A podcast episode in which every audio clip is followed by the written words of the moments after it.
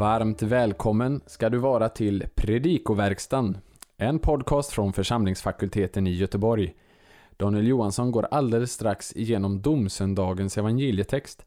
Men innan han får chansen att göra det så vill vi passa på att påminna dig som lyssnar om eh, några datum nästa år, nämligen den 24 och 25 februari då vi har en bibelkonferens på församlingsfakulteten. Reservera tid för bibelkonferens på FFG den 24 och 25 februari.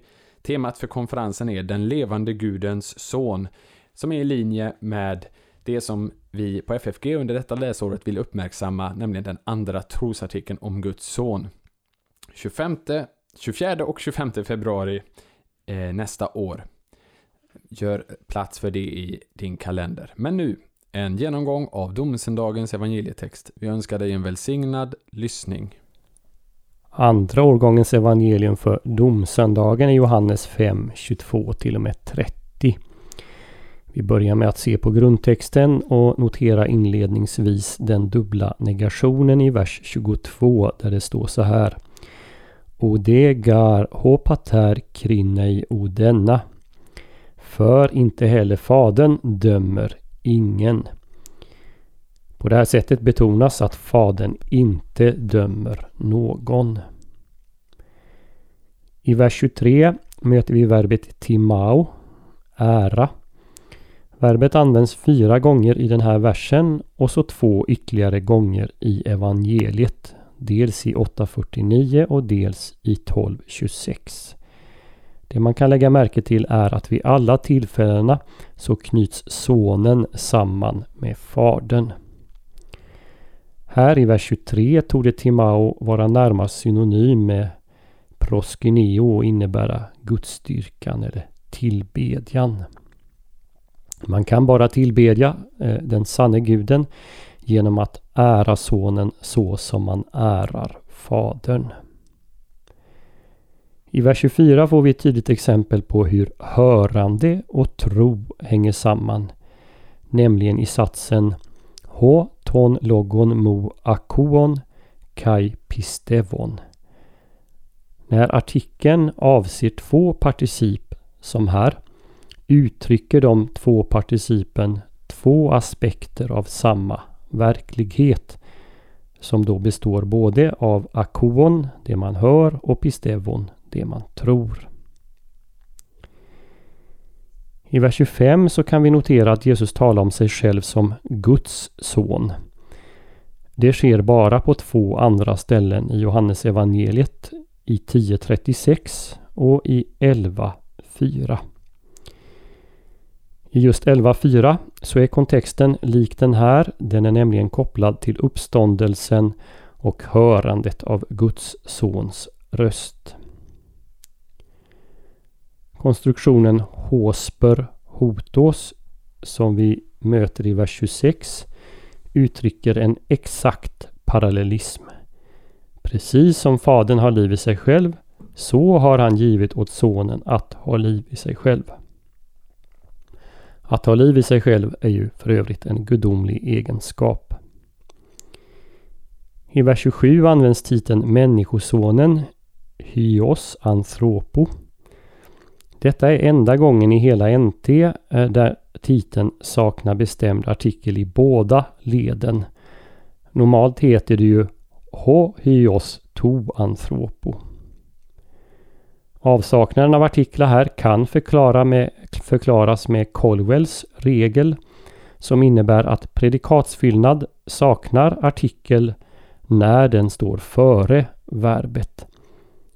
Vi har ett annat exempel i Johannes 1.1, ett mycket mer berömt exempel på det, nämligen Kai Theos Enho Logos. Nämligen att ordet var Gud. Hade Theos i det här fallet haft en artikel hade det varit oklart om Gud var ordet eller om ordet var Gud. Men nu framkommer det med all tydlighet att det är ordet som är Gud. I 5.27 markeras här genom att Estin, han är, är subjekt och predikat och att Människosonen är predikatsfyllnad. Alltså, han är Människosonen. Avsaknaden av artiklar kan också antyda en anspelning på Daniel 7.13. I eh, Septuaginta, Daniel 7.13, saknar nämligen Människosonen eh, bestämda artiklar. Bakgrunden till den här texten är Jesu helande av mannen vid Betesda.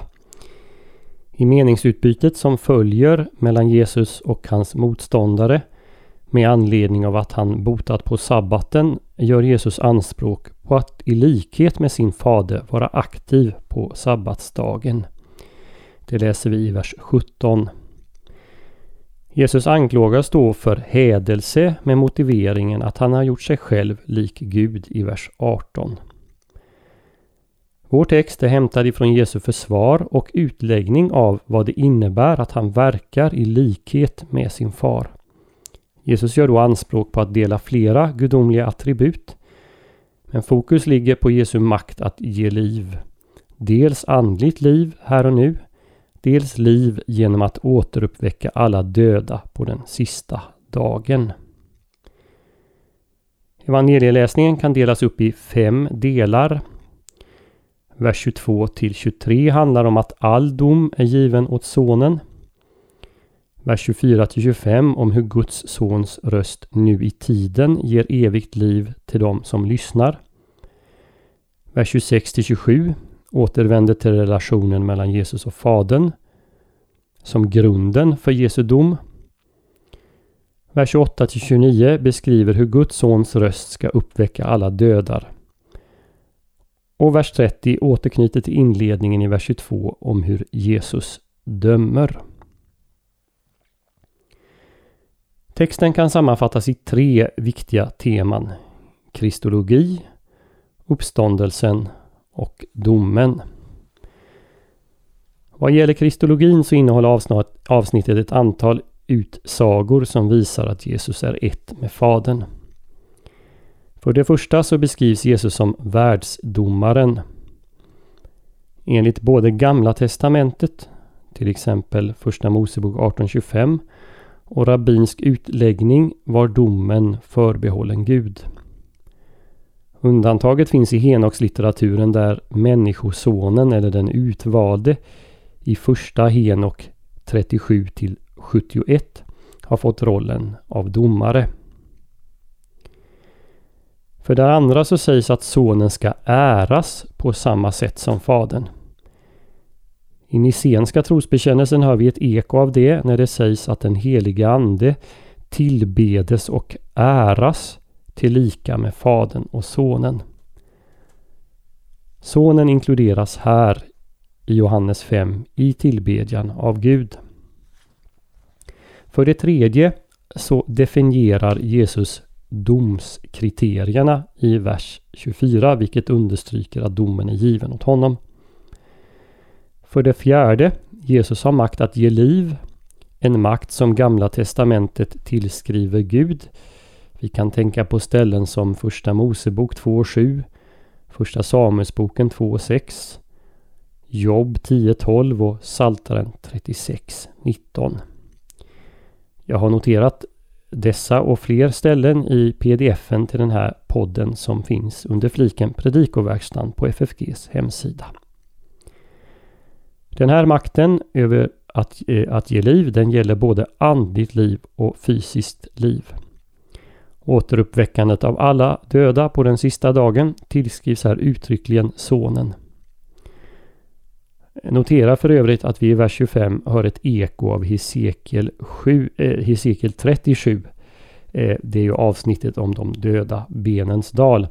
I Hesekiel så sägs att Herrens röst, det är alltså JHVHs röst, ska höras.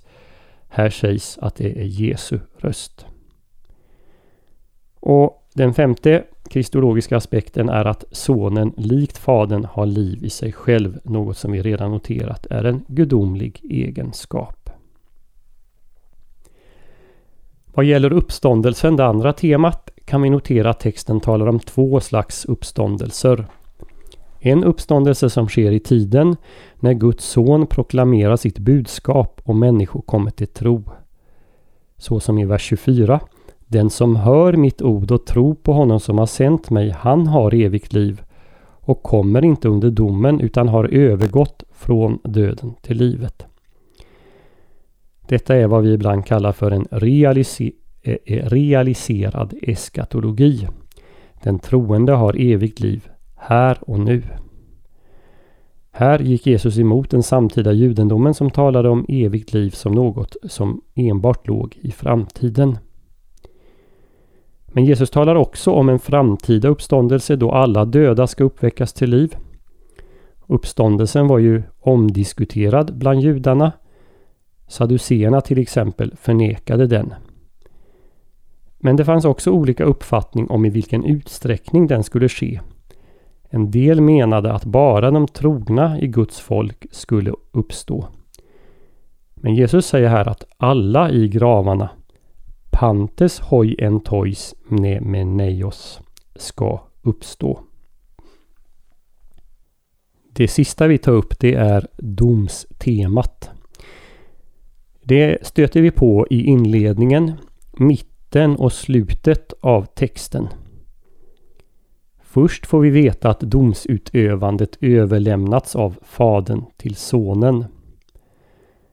Den uppmärksamme läsaren noterar då kanske en viss spänning med Johannes 3.17 som säger att Sonen inte kommit för att döma världen.